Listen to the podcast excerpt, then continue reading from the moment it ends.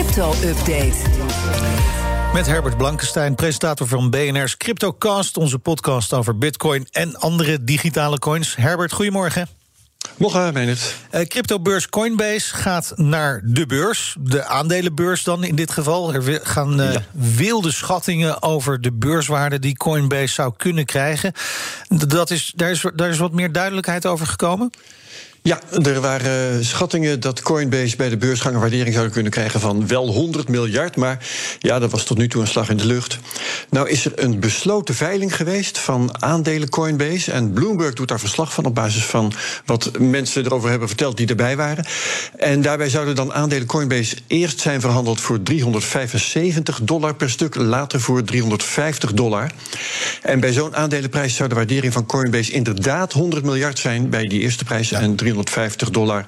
Uh, nog altijd 90 miljard. Het was een kleine veiling, maar die schattingen tot nu toe waren dus niet uit de lucht gegrepen. Die beursgang die is eind maart. En het resultaat kan natuurlijk altijd hoger of lager uitpakken. Bijvoorbeeld als de koers van de bitcoin gek doet. Leuk detail is dan weer dat uh, in de prospectus van Coinbase staat... dat het uh, grootste gevaar voor de beursgang is als de bedenker van uh, de bitcoin ooit opstaat. dat is waar, want die heeft een kapitaal van een miljoen bitcoins. Nou, reken maar uit bij een koers van 50.000 dollar per ja. stuk. Ja. En als die een beetje gaat verkopen, ja, dan is het natuurlijk afgelopen. Maar hij zal zo verstandig wel zijn om het niet te doen. Nee, want de, bitcoin, de koers van de bitcoin die is op dit moment juist weer aan het stijgen. Ja, zit de laatste dagen weer flink in de lift na een dip. Vijf dagen achter elkaar uh, zitten we alweer in de plus. En dat hadden we dit jaar nog niet eens gehad.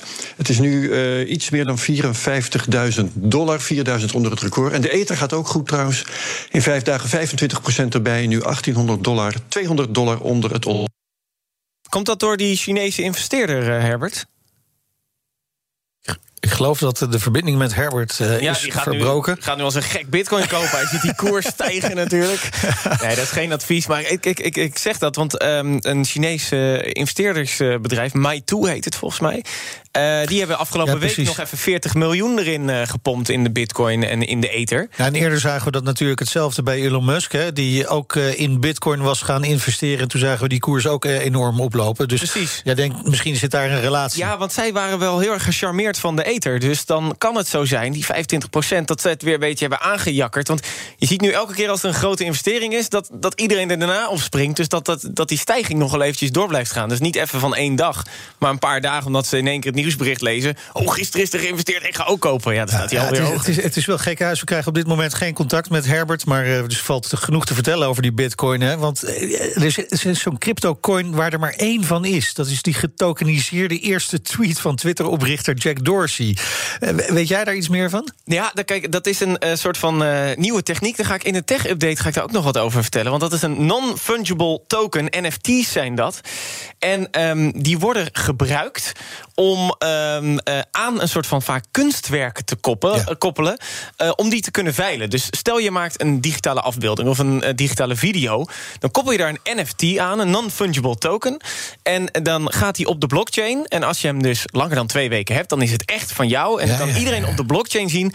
Dat ene gifje, die ene video, die ene de foto is echt van één persoon. Dus die kan altijd claimen: hé, hey, jij gebruikt hem, je moet me betalen. En Jack Dorsey die heeft nu zijn eerste tweet gekoppeld aan zo'n token. En um, een, een, een soort dus dat, dat eenheidskenmerk.